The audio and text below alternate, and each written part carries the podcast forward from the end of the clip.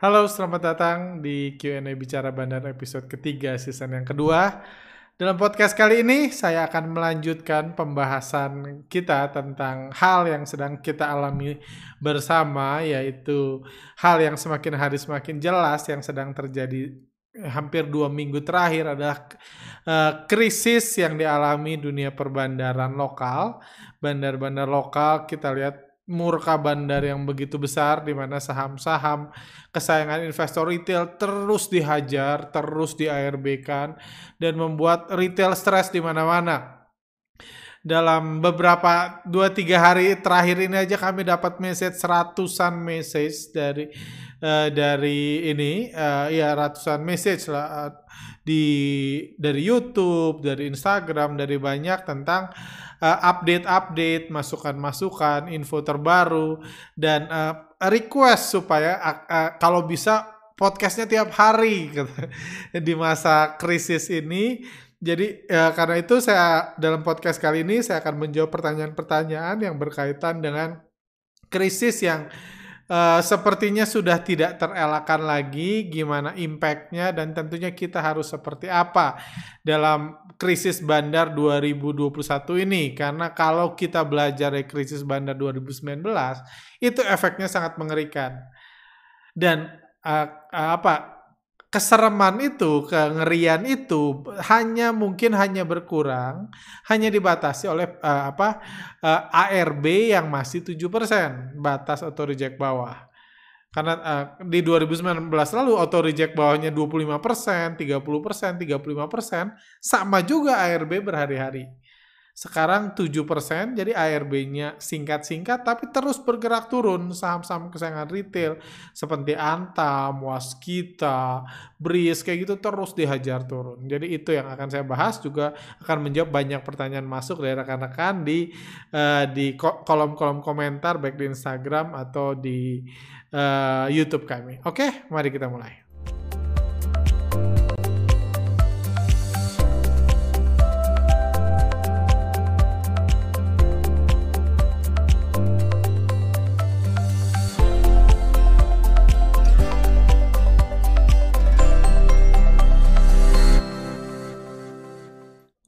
Oke, uh, langsung aja. Uh, jadi kami mulai uh, membahas tentang potensi kekhawatiran tentang krisis bandar itu Senin minggu yang lalu, di mana Senin sore di Instagram kami dan di Telegram kami, kami mengatakan kami ada trauma nih ngelihat saham-saham yang auto reject bawah, uh, saham yang auto reject bawah karena Uh, karena uh, itu mirip sangat mirip uh, uh, ngelihat uh, dengan kejadian waktu 2019 lalu ketika krisis jiwasraya dimulai uh, krisis perbandaran lokal juga kembali bandar lokal karena menurut saya bandar asing memang tidak bisa diusik.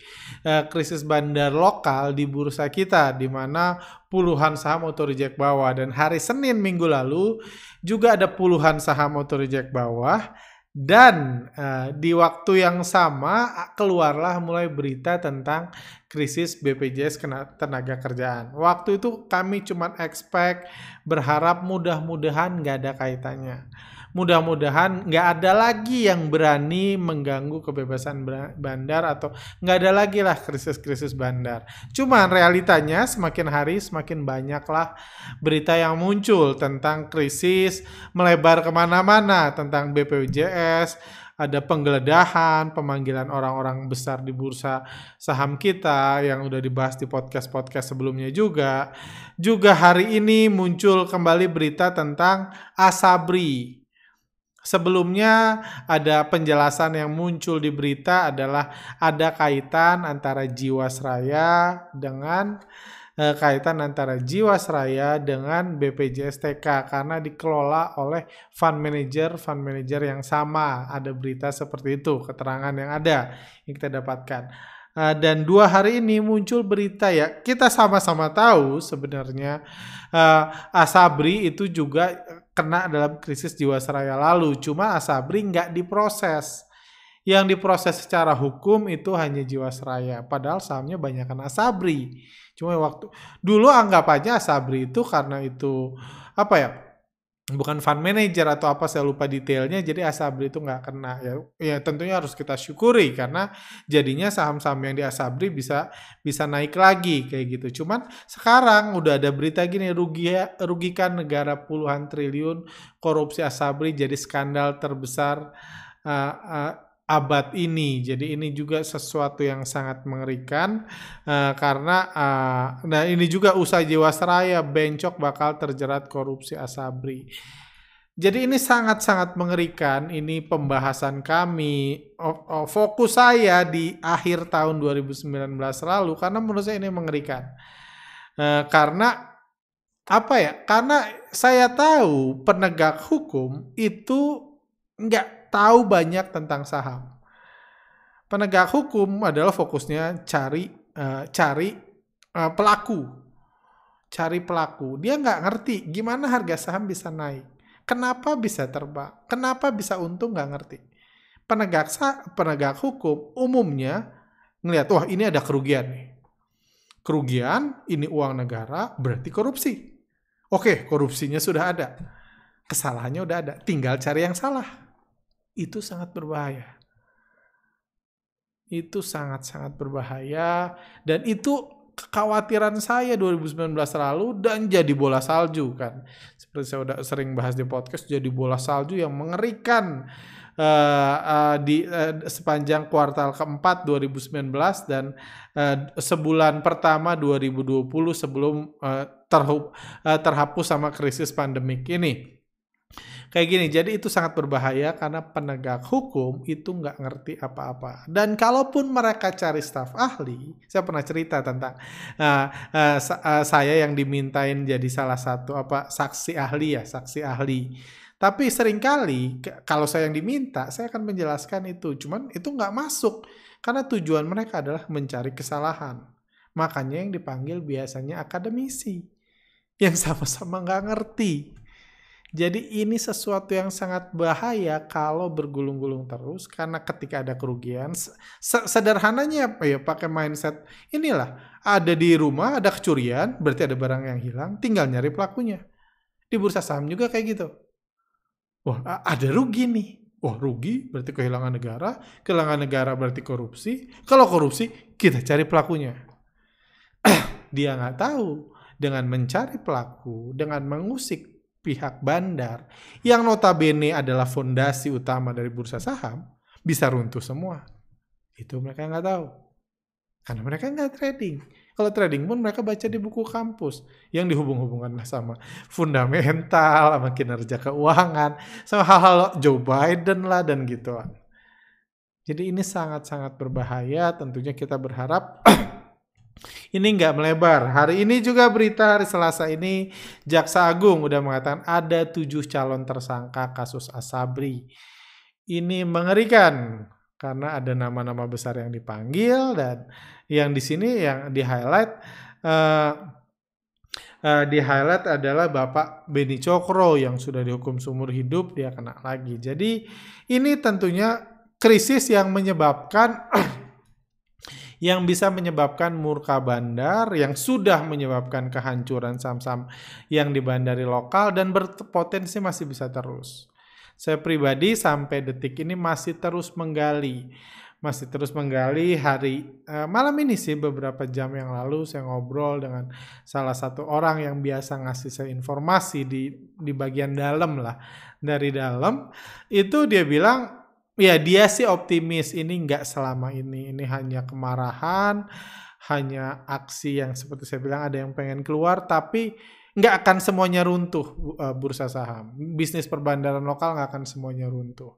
Ya saya amini aja kayak gitu dia sendiri nggak terlalu banyak tahu. Kembali lagi masalahnya pandemik. Ketika pandemik ini informasi jadi susah didapatkan informasi informal jadi susah didapatkan karena semuanya harus formal harus Zoom meeting, harus oh, ini kan. Jadi nggak ada ngobrol-ngobrol seperti itu. Kayak gitu. Jadi uh, kami sendiri masih terus menimbang, masih uh, saya sendiri masih terus mencari ini sebesar apa nih krisis. Kita udah tahu ini krisis bandar udah yes. Udah ada berita kayak gini, berita Beni Cokro disebut-sebut, korupsi terbesar ini krisis bandar 2021. Yes, itu sudah Sesuatu yang awalnya dikhawatirkan, sekarang sudah dikonfirmasi. Cuman sebesar apa yang kena, itu masih pertanyaan.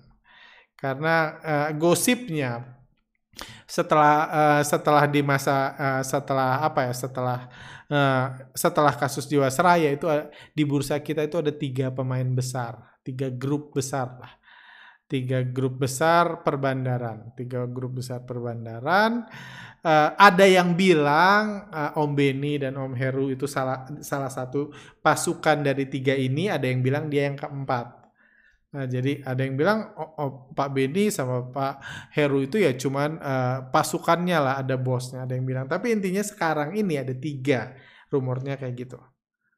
Tiga ini satu runtuh aja. Kalau satu diruntuhkan dengan krisis ini, uh, satu diruntuhkan uh, dengan krisis ini, itu tinggal dua. Dan sama seperti meja, uh, seperti kursi dengan tiga, uh, tiga kaki, kalau satu nggak ada, goyangnya parah kejadian ini bisa belum apa-apa. Kalau benar-benar bisa meruntuhkan satu. Uh, jadi eh, ini kekhawatirannya mudah-mudahan sih nggak separah itu. Akan ada kemungkinan ini sebenarnya tiga ini ya tetap aja karena kan istilah institusinya itu itu aja. Institusinya itu aja, dananya itu aja. Mungkin mereka punya ini. Mungkin mereka punya koneksi sama semuanya bandar A, bandar B, bandar C kayak gitu. Eh, si tiga itu anggap A, B, C. Mereka ngambil produk dari sini, ngambil produk dari sini. Tiga manajer investasi lah. Sederhananya mereka ngambil tiga.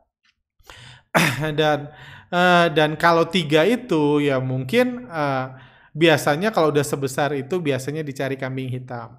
Dari si A ambil satu, dari si B ambil satu, dari si C ambil satu, dihukumlah tiga, bisnisnya uh, kokoh-kokoh aja, akan pulih-pulih aja. Tapi itu pun butuh waktu. Ini kita masih di awal nih kalau bulan kalau krisis bandar lalu krisis bandar lalu berakhir karena pandemik.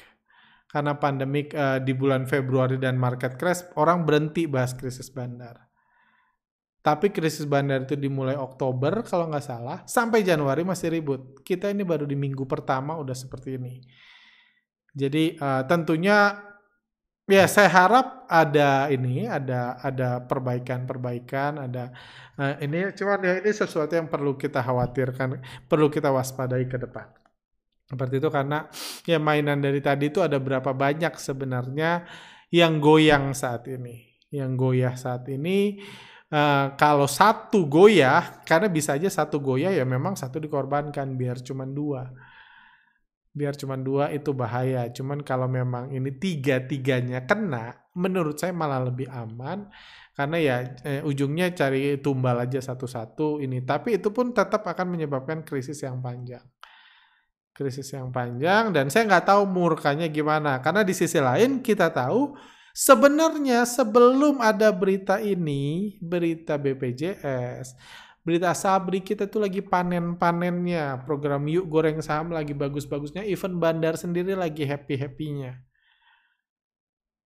Sangat-sangat sayang kalau ke, kalau marketnya turun terus di, di, dengan turun paksa seperti ini terus, marketnya bisa uh, orang bisa trauma trading saham orang-orang investor yang udah nggak punya pilihan sebenarnya. Selain menukarkan uangnya dengan saham yang digoreng bandar jadi omset bandar mereka bisa keluar bisa ka bisa lari bisa kapok dan lain-lain dan bisa ngomong ke orang lain.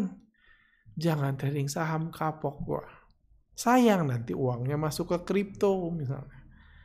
Atau masuk reksadana sayang bagi bandar saham. Sebenarnya ini momentum yang terlalu besar terlalu baik untuk mereka harus buat kekacauan seperti ini. Jadi harapan saya sih segera bisa diselesaikan. Saya nggak tahu seperti apa, cuma ya kembali lagi ini berapa yang kena sebenarnya. Seberapa besar masalah ini karena seberapa besar sedang mencakup seberapa besar saham yang bisa dihancurkan. Karena sebagai contoh sederhana, waktu kasus saham Om Beni menguat, Om Beni Cokro, semua saham Om Beni Cokro sampai sekarang masih gocap semua saham yang full dia pegang. Full dia pegang masih gocap sahamnya. Ada yang dari 300, ada yang sebelumnya LQ45, semuanya digocapkan. kayak gitu. Kalau satu kena, berarti ada sebagian saham yang kena. Dan kalau saya lihat saat ini, ini sahamnya besar banget, ruang lingkupnya, sektornya besar banget yang kena. Seperti itu. Uh, lanjut uh, dan uh, tentunya murka bandar menyebabkan adanya ini. Uh, ini ini broadcast kami tadi pagi Bandar lokal perlu menenangkan retail. Ini pembahasan singkatnya. Dari sisi bisnis sebenarnya tidak baik membuat customer sakit hati. Karena justru membuat customer tidak mau balik lagi membeli saham yang kan yang ditawarkan oleh bandar. Jadi idealnya memang saat ini bandar lokal mencoba memenang, menenangkan perasaan investor retail dengan menaikkan harga saham-saham kesayangan investor retail. Itu idealnya. Itu idealnya seperti itu karena uh, saya udah 10 tahun lebih mempelajari pergerakan bandar. Udah 10 tahun lebih dan kalau bagi saya pribadi dari pengalaman, dari membaca pergerakan bandar, membaca data, saya melihat distribusi itu jauh lebih gampang dideteksi daripada akumulasi. Akumulasi caranya banyak metodenya banyak, pindah-pindah, akal-akalannya bisa banyak ketika bandar ngumpulin saham. Tetapi ketika ngehajar, ngedistribusi, kan korbannya retail. Lebih mudah kelihatannya. Dan retail ya gitu-gitu aja, retail sama-sama aja, nggak banyak ide. Nah, jadi ketika bandar jualan ke lebih mudah. Dan karena begitu sering, eh, karena pengalaman yang begitu banyak, saya ngelihat harusnya kalau eh, saya sangat melihat saya bisa melihat sangat jelas kalau ada aksi distribusi yang sudah di luar kewajaran. Karena kalau distribusi sampai di luar kewajaran, biasanya ada apa-apa. Istilah bandarnya kelewat kejam, itu biasanya ada apa-apa. Yes, ada bandar yang punya kebiasaan kejam, tapi at least di bandar itu kami bisa masih melihat itu masih kewajaran. Tapi sekarang itu di luar kewajaran saham KF, saham INAF itu dibanting parah banget. Udah 10 kali kalau nggak salah auto reject bawah. Itu nggak jualan itu. Mereka kalau mau jualan, mereka nggak buat retail takut dan semakin hari semakin takut. Nggak seperti itu cara orang jualan kan. Kayak Anda mau jualan kopi di toko, Anda nggak nggak pasang ini kan. Nggak, nggak, nggak, nggak naruh preman di depan kan Tujuannya sama, sama-sama jualan kopi, tapi nggak naruh preman. Atau orang mukulin di di kafe Anda, Anda biarin kan nggak gitu. Sekarang kurang lebih itu yang gambar. Jadi ini menggambarkan murka atau itu pertama menggambarkan murka bandar karena terlihat begitu kasarnya dibanting ketika berita lagi begitu positif. Kedua, kemungkinan ada orang yang lagi butuh uang cepat. Itu yang saya bahas di podcast di akhir podcast terakhir, kemungkinan bandar sedang butuh uang cepat. Kalau bandar butuh uang cepat, sangat mungkin uh, uh, uh, jadi mau nggak mau dia hajar, dia hajar kayak gitu. Kalau kita lihat kayak gitu, itu yang saya bilang, bandar sudah murka dan mungkin uh, lagi BU. Kalau Anda lihat grafik-grafiknya, uh, Anda lihat grafik-grafiknya, misalnya ini nih saham INAF, saham KF, ini kita lihat. Jadi event hancur, kerek dikit guyur, kerek dikit guyur, kerek dikit guyur. Jadi bandarnya itu nggak mau invest lebih gede untuk memarkup lebih tinggi. Kita lihat grafiknya sama. Jadi lagi terus dipermainkan, tapi terus dihajar. ARB ARB, tapi dibuka auto reject bawah naik turun naik turun naik turun ini sama sekali bukan karena for sale ini permainan mereka aja tapi mereka benar-benar kejam istilahnya kalau kita lihat was kita turun pagi-pagi turun naik banting lagi naik banting lagi naik banting lagi ARB ini fakta di ARB ini aja bukti kalau mereka itu sedang menunjukkan sesuatu sedang murka dan sedang jualan banyak atau istilahnya cepet-cepetan pengen keluar nih. Ini pemain gede, yuk kita istilahnya nggak sabar, mereka nggak berani ini takut temennya yang jualan duluan. Misalnya kalau tiga gitu kan mereka takut temennya yang jualan duluan nih, gue kerek lu duluan yang keluar. Jadi kerek bentar hajar, kerek bentar hajar, dia kejam banget. Sebenarnya mereka ya seperti saya bilang, mereka bisa aja istirahat di sini kan. istirahat di sini. Karena bandar bisa naikin bisa, cuma nggak mau. Bisa aja dia istirahat gitu tidur liburan dulu gitu sehari masih dibuka hijau akan memberikan ketenangan lebih. Tapi dipilih enggak. Hari ini juga tutupnya harus ARB. Mau waskita, mau antam, kita lihat. Antam, kita lihat bris. Grafiknya hampir sama semua. Turun, naik di waktu yang sama. Buka turun, naik, turun, naik. Kapan dimulai dijatuhin. Dijatuhin, dijatuhin, dinaikin, terus di ARB-in, kayak gitu.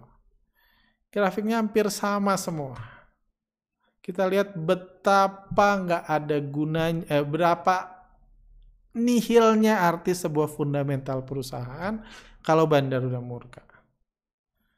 Karena pada akhirnya fundamental perusahaan yang bisa kita pegang cuma dividen. Kalau Antam berapa? Antam dividennya 100 rupiah, cuma itu yang bisa kita pegang. Terus aset gimana Anda nggak boleh ambil asetnya? Anda punya Antam nggak boleh Anda ngambil emas punya Antam. Atau Anda punya BCA nggak boleh Anda ngambil uh, mobilnya di bank BCA, mobil di kantor cabang, saya pemegang saham, saya ambil nggak boleh. Anda cuma punya dividen kalau dia ngasih dividen. Kalau Antam sekarang harganya 2.900, dividennya 100 ya cuma itu sebenarnya yang bisa Anda pegang. Sisanya udah mau mau bandar. 280-nya. Ah, kita bisa apa? Jadi saham itu hampir nggak ada gunanya kalau bandarnya murka. Kayak gitu. Jadi ini kekhawatiran karena harga sekarang masih tinggi dan kelihatan mereka masih main-main terus, masih main-main terus, masih main-main terus di sini. Seperti itu. Jadi ini kekhawatiran lain. Oke, udah berapa lama ini? Oh Tuhan, kelamaan. Oke, saya langsung jawab pertanyaan.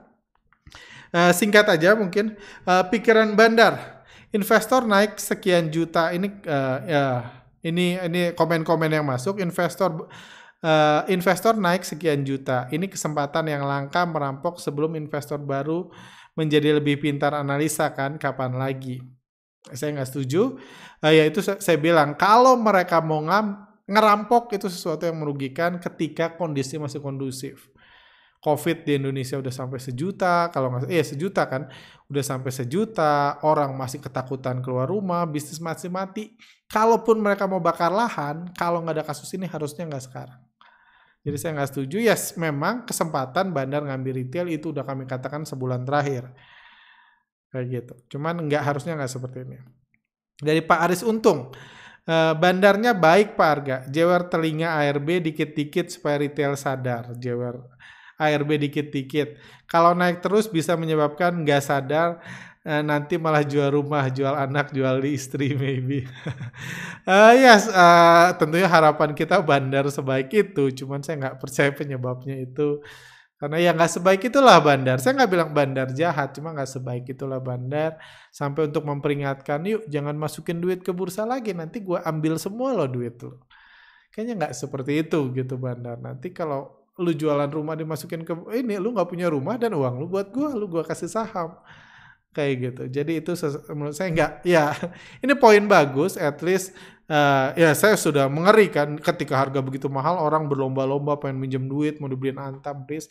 Kejatuhan ini akan mengurangi orang yang celaka seperti itu ya yes. tapi kan udah banyak yang celaka dan saya nggak percaya alasannya bandar sebaik itu Lanjut, bandar asing jual besar-besaran uh, agar IHSG turun. Gimana kalau semua investor Indo sepakat nggak mau beli, apakah IHSG akan turun? Pertama, investor di Indonesia nggak mungkin sepakat kayak gitu, apalagi lawan asing. Kita di ARB sama bandar lokal aja kita nggak bisa apa-apa. Berapa ratus ribu itu orang yang punya KF, INAF di ARB 10 hari berturut-turut kita nggak bisa apa-apa. Gimana kalau sepakat semuanya jualan rumah buat hajar kanan? Bisa naik KFIN. Kalau semuanya jualan rumah, ngumpulin uang misalnya 50 triliun, hajar kanan gitu. Sampai naik bisa KF Inaf. Yang senang bandar. Karena 10 triliunnya dibeliin KF Inaf sama retail-retail, kalaupun mereka bisa, ngumpulin semua jualan rumah buat ini, udah udah 10 triliun mereka punya KF Inaf nih. Terus mereka bingung, terus naikinnya gimana sekarang? Dihajar lagi sama bandar. Udah punya nih, udah hajar kanan, udah naik, tapi di atas nggak ada lagi yang mau beli. Retail udah habis duit. Bandar tentunya nggak mau beli. ya, jatuh sendiri. Jadi nggak retail nggak akan sanggup ngelawan, apalagi asing. Asing kalau asing mau jualan hari ini uh, nggak beli ya nggak lokal nggak mau beli ya tunggu besok. Besok pasti beli. Hari ini nggak usah hajar. Kalaupun lokalnya kompak. Atau kalau mereka pengen nurunin yang beli dikit tambah gampang nganjurinnya. Kayak contoh saya di Toto kemarin. Gampang nganjurin Toto. Punya berapa 10 ribu lot cuman bisa auto reject bawah langsung. Karena yang beli dikit. Jadi tambah hancur malah. Malah trading halt. Kalau bandar jualan, lokal nggak mau nampung. Bandar profit asing mau profit taking, lokal nggak mau ngasih duitnya ke asing malah jadi ARB. Ini nggak bisa seperti itu. Udah naik 300% sejak Desember masuk Uh, masa iya nggak akan profit taking? Ya saya setuju bandar berhak profit taking, berhak panen. Cuman ini bukan cara profit taking yang baik. Itu yang berulang kali saya bilang. Kalau bandar jualan dikit-dikit seperti saya bilang. Uh, waktu udah idealnya ditenangkan, ditenangkan, guyur lagi, tenangkan, guyur lagi. Uh, Antam, Bris itu kalau bisa tutupnya jangan di ARB lah buat shock kan. Kenapa nggak minus 4 aja? Wong mereka yang mutusin, siang-siang di atas aja bisa. Kenapa mereka nggak liburan? Jadi ada ada kesan ada yang butuh uang cepat, mau hajar-hajaran dan ada kesan kemarahan membuat harga saham turun gitu walaupun itu merugikan mereka sendiri. Ada dua hal itu. Lanjut. Pak, saya punya teori. Menurut saya, fenomena para influencer ngepom-pom saham uh, beberapa uh, ngepom-pom saham uh, beberapa bulan terakhir ini ada hubungannya dengan krisis bandar 2021. Uh, pihak bandar sudah tahu kalau akan ada tuntutan hukum dalam waktu dekat. Jadi mereka all in dari bulan November sampai Januari karena menggoreng untuk menggoreng semua saham-saham di dalam portfolio mereka dan membayar para influencer untuk mengajak sebanyak mungkin orang untuk membeli sah membeli saham yang mereka goreng supaya ada banyak uang investor retail yang bisa mereka ambil di market untuk menutupi kerugian mereka. Saat kasus uh, hukum dan uh, audit BPK sudah tidak bisa uh, ditahan-tahan lagi. Karena saya pakai tools MMD itu tools workshop bandarmologi kenaikan harga BRIS dan Antam di awal 2021 ini mana lanjutannya oh iya bandarnya sudah lebih banyak jualan bukannya akumulasi. Correct me if I'm wrong. Mohon pandangannya Pak, karena kalau memang bandar sudah siap untuk menghadapi krisis ini, maka efeknya pun harusnya nggak akan separah krisis 2019 lalu. Teori yang bagus, uh, teori yang bagus, uh, yes kemungkinan itu ada, Uh, cuma ya berarti kita sedang menuduhkan influencer itu sengaja ngepom-pom supaya bandarnya jualan. Uh, istilah bandar-bandar yang sedang krisis ini bisa sebanyak mungkin ngambil investor uang investor retail dari ini. Ya bisa aja terjadi, cuman ya yang kita tahu itu hanya seru-seruan uh, konspirasi teori aja, nggak pernah kita bisa buktikan kecuali ada yang mau mengaku gitu dan kalau investor retail yang dirugikan kita nggak mungkin bisa nuntut influencer. Uh, jadi itu satu. Dan menurut saya, even kalaupun ada influencer yang uh, uh, melakukan itu, mereka nggak punya niat jahat. Karena enaknya pakai influencer yang nggak ngerti saham, mereka nggak banyak tanya. Kalau saya, saya diminta, tolong rekomendasiin ini, saya banyak nanya. Kenapa lu minta gue rekomendasiin? Kalau bagus, kenapa lu nggak beli sendiri? Kenapa itu banyak pertanyaan. Cuma kalau influencer yang nggak kenal saham kan, tolong rekomen ini. Eh besok naik. Bener kan kata gua? Kata. Besok tolong rekomendasi ini ya gitu. Habis rekomendasi sama bandar yang nyuruhnya dinaikin. Bener kan kata gua? Apalagi followernya banyak, yang orang ikut banyak bisa dihajar. Jadi mungkin bandarnya punya niat jualan, jahat atau enggak ya fair-fair aja kan mereka jualan, tapi influencernya menurut saya enggak influencernya simply nggak ngerti aja uh, bahwa dia kira wah ini orang baik banget ngasih rejeki. Setiap dia omongin saham dinaikin sama dia. Setiap dia omongin saham dinaikin. Benar-benar dia tahu masa depan nih. Padahal yang naikin ya mereka. Supaya uh, followernya beli di atas. Seperti itu. Jadi kalaupun itu dilakukan ya masuk ada masuk akalnya sih, ada teori yang masuk akal mereka lakukan itu karena ya sering kali kasus hukum itu udah berputar beberapa minggu, beberapa bulan sebelum benar-benar masuk ke media. Itu sering terjadi. Bahkan kayak kasus Antam pun kan udah keputusan pun baru ke media 4-5 hari setelahnya. Itu bisa aja terjadi, tapi jujur saya belum pernah dengar apa-apa uh, bahwa akan ada krisis bandar 2021 bahkan seminggu sebelum krisis ini terjadi. Yes, yes itu ada sebabnya karena ya saya di Bandung terus. Saya nggak ngumpul sama orang-orang market di Jakarta, nggak nggak ada bocoran-bocoran kayak gitu dan mereka pun ngapain ngebocorin ke saya kan. Kalau nggak ketemu, nggak makan bareng kayak gitu. Terus apalagi sih pertanyaannya? Oh ini yang MMD karena saya analisa pakai tools MMD eh, kenaikan BRIS dan Antam di awal tahun 2021 bandarnya lebih banyak jualan dan bukannya akumulasi. Correct me if I'm wrong. Yes, memang benar di akhir 2020 2021 itu bandarnya udah banyak jualan daripada ya cuma tektok tektok jual tektok tektok jual dan harganya cepat naik. Seperti itu sih, cuman benar atau salahnya saya rasa ini sesuatu yang nggak akan kita pernah tahu, tapi ini teori yang menarik. Uh, selamat malam Pak Harga. Uh, selamat sore Pak Harga. Waktu krisis bandar 2019, banyak saham yang dihajar sampai minus belasan persen. Akan tetapi, selang beberapa bulan harga sahamnya naik lagi. Apakah case-nya bakal sama dengan 2021? Sekalipun memang benar ada krisis bandar, saham-saham dibanting minggu minggu ini. Akan tetapi, harapan untuk naik lagi pada waktu-waktu yang akan datang masih ada. Terima kasih, ditunggu jawabannya. Uh, yes. Uh, yes, itu pembelajaran yang kita pelajari dari kasus 2019, krisis bandar di mana saham-saham Amikos dan saham-saham Ibu Kos menjadi saham dengan kenaikan terbesar di tahun 2019 2020 lalu pasca hancur di krisis bandar. Itu benar. Itu bisa terulang lagi. Bisa. Tapi setelah perseteruan antar bandarnya berakhir setelah ditemukan titik damai. Karena nggak bisa ngegoreng saham kalau pemain besarnya lagi resah, lagi pengen keluar. Itu nggak bisa dilakukan. Kayak gitu. Misalnya nih, uh, satu saham, uh, satu saham dikendalikan oleh tiga pemain besar. Tiga pemain besar yang satu komando. Mereka lagi ngegoreng-goreng, tiba-tiba satu di situ mereka kerjasama uang bertiga saham bertiga mereka goreng. Ada satu di situ kena kasus hukum. Butuh uang. Itu jadi mengerikan. Karena kalau yang dua ngerek yang satu nggak hajar bisa jadi yuk kita keluar bareng-bareng dihajar bareng-bareng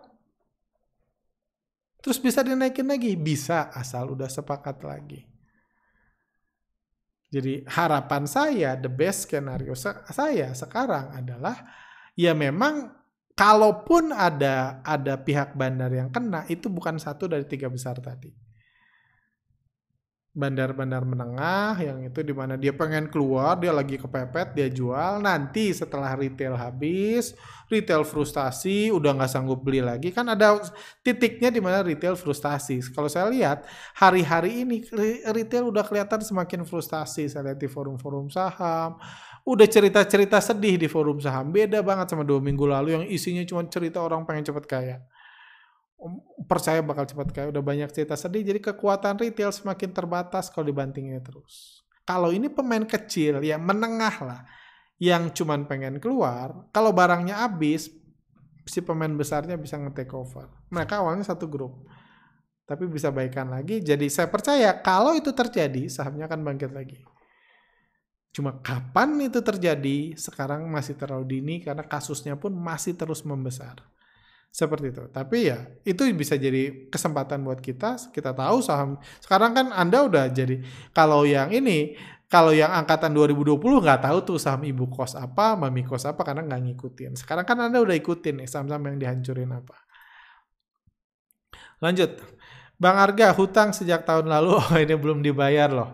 Katanya mau ajarin bagaimana mendeteksi signal lagi akumulasi atau distribusi dari broker summary. Kalau makasih kalau dibuatin video mengenai itu.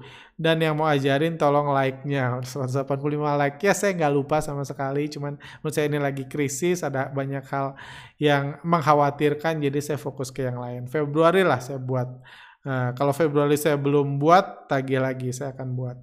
Dan saya pun akan ya menimbang-nimbang saya butuh persiapan dulu jangan sampai kayak kayak video ini kan video apa uh, video saham busuk. Udah di post capek-capek saya buat nggak sampai seminggu harus di take down. Kayak gitu. Jadi saya buat materi yang lebih netral sambil saya pikirin. Pak Reinhard Hutagaol, dari semua pembicara saham di YouTube, Bang Arga yang menurut saya paling masuk akal. Ini 32 like berkat sering ngeliat channel ini nggak ada satupun dari yang ARB kemarin di portfolio saya. Thanks menjuah-juah. Oh, selamat. Uh, ya, senang dengarnya. Thanks Turang Arga, mohon update terus uh, info ketidakwajaran yang sedang terjadi. Uh, ini adalah prahara investor retail newbie seperti kami God bless you. Saya akan update terus. Kesimpulan dari Pak Arga di akhir video saya tangkap ada pemain besar yang ingin keluar. Makanya semua saham yang dia punya dia ambil dan mengakibatkan ARB berjamaah. Yes, yang itu juga saya update. Kekal wise. Kek always apa namanya? Uh, bang Bang, saya trader angkatan corona sedang mengadu nasib di bursa saham karena PHK. Saya bingung saat ini harus seperti gimana menyikapi krisis bandar sekarang. Boleh dong share kondisi portfolio Bang Arga saat ini secara garis besarnya aja. Bang Arga masih pegang BRIS dan Agro enggak? Dan saham lain yang Bapak punya apa? Karena menurut saya sekarang ini kondisinya sedang kritis. Newbie kalau mau belajar bandarmologi pun butuh waktu Uh, jadi kita kita butuh pertolongan abang. Semoga kebaikan abang dibalas sama yang di atas. Amin. Uh, Oke. Okay. Oh ya udah kalau ya udah saya ini aja. Saya sendiri posisi saham saya terakhir saya share itu sekitar 70 persenan kan. Sekarang sekitar 50 persenan. Uh, saham uh, cash banding portfolio punya bris atau agro, bris sudah saya jual, agro udah saya jual, tapi masih saya sisain. Saya masih belum sudi pengen inilah, pengen kenang-kenangan untung 1000%. Harapan saya sih seperti itu. Uh, uh, masih belum sudi disisain kayak gitu. Cuma ya mayoritas sih udah saya jual. Kapan saya jual? Ketika saya bilang di podcast sebelumnya ya ya minggu lalu saya bilang ini bandarnya mulai kasar, saya mulai sadar ini bukan permainan biasa. Yes, bandarnya masih main-main, tapi mainnya kasar dan pasti ada sebabnya. Jadi saya keluar jual mayoritas lah. Anda mungkin pernah tahu saya punya berapa bris sekarang tinggal 15 persennya lah kurang lebih jumlahnya kalau Anda lihat di portfolio saya. Dan saham yang lain yang Bapak punya Uh, saya punya BRI, saya punya BRI dalam kondisi nyangkut dikit, masih dalam kondisi tenang karena BRI di bandari asing dan kalau kita lihat saham-saham yang di bandari asing pun masih ya masih oke okay lah belum ada aksi jual asing saya punya BRI nyangkut terbesar dari rupiah saya ada di Telkom saat ini. Saya masih bingung mau diapain karena secara foreign flow sebenarnya nggak terlalu jelek. Dan walaupun saya tahu Telkom itu pemain-pemain besar lokal masih punya dalam jumlah cukup besar. Yes, mereka nggak kuat ngalahin asing, tapi kalau mereka jualan terus, lumayan buat asing. Kalau harus nampung mereka, kayak gitu. Saya masih punya Telkom, floating loss berapa ya? 7 persenan mungkin ya, masih jauh dari level cut loss saya. Saya belum tahu mau saya apain. Telkom, ya masih bingung, karena ini kondisi ya, seperti ini tuh kondisi nggak normal, jadi saya pun lebih hati-hati buat masuk lebih hati-hati buat masuk apalagi masalahnya sendiri gambarannya masih samar-samar buat saya sekarang. Kayak gitu saya punya agro Java saya udah jual sebagian harusnya jual lagi hari ini. Hari ini banyak error lupa udah di ARB-in masih dalam kondisi untung lumayan di Java saya pernah cerita punya Java. Gitu Telkom Java Bris BCA masih untung masih saya biarin itu barang lama. BRI yang agak nyangkut Telkom nyangkut itu sih nggak ada saham-saham aneh karena saya memang menghindari kan saya cerita terakhir saya jual Wika saya saya saya jual Inco saya di eh, di awal minggu lalu ketika saya mulai bahas tentang krisis ini udah banyak yang saya keluarin. Terakhir saya bris Pak ada apa ya? Mungkin kita harus istirahat dulu atau menurut Bapak apa yang harus kami lakukan? Istirahat apalagi ketika Anda dalam kondisi stres nyangkut atau at least ada punya cash baru cut loss istirahat sesuatu yang baik karena itu membuat Anda lebih waras merefresh perasaan Anda, ketakutan Anda, jadi Anda lebih logik, Anda bisa istirahat sambil dan ini masalah yang bahaya. Ini masalah yang nggak normal. Ini bukan distribusi normal, jadi stay away selama sehari, dua hari, seminggu. Itu bukan ide yang salah. Ten ingat rezeki kita di tangan Tuhan. Eh, eh, saya percaya hanya kita istirahat, tiba-tiba, aduh hilang kesempatan gue profit, gagal gue kaya karena gue eh, liburan seminggu. Nggak seperti itu kok. Bang, bahas value investing 2.0 dong. Pak Lokeng Hong juga udah berubah, Pak. Kalau dulu beli saham yang simpan, eh, beli saham dan simpan, sekarang beli sahamnya dan dikasih tahu ke orang-orang kalau dia ada yang beli. Barusan tim uh, timnya post di IG kalau dia punya TBL mirip kayak waktu GJTL kemarin. Uh, saya pending dulu deh kalau ini uh, uh, udah kepanjangan nanti saya bahas di podcast selanjutnya. Uh, ini juga Lokeng Hong ya, Pak LKH, oke. Okay? Uh, uh, uh, Telegram ada penipuan atas nama Creative Trader. Sudah uh, kiri su, uh, sudah kemarin dua hari lalu cek Telegram, baru hari ini diposting pemberitahuan oleh tim CTS hampir percaya tapi kok tidak masuk akal investasinya. Yes, hati-hati sekarang banyak banget Telegram penipuan.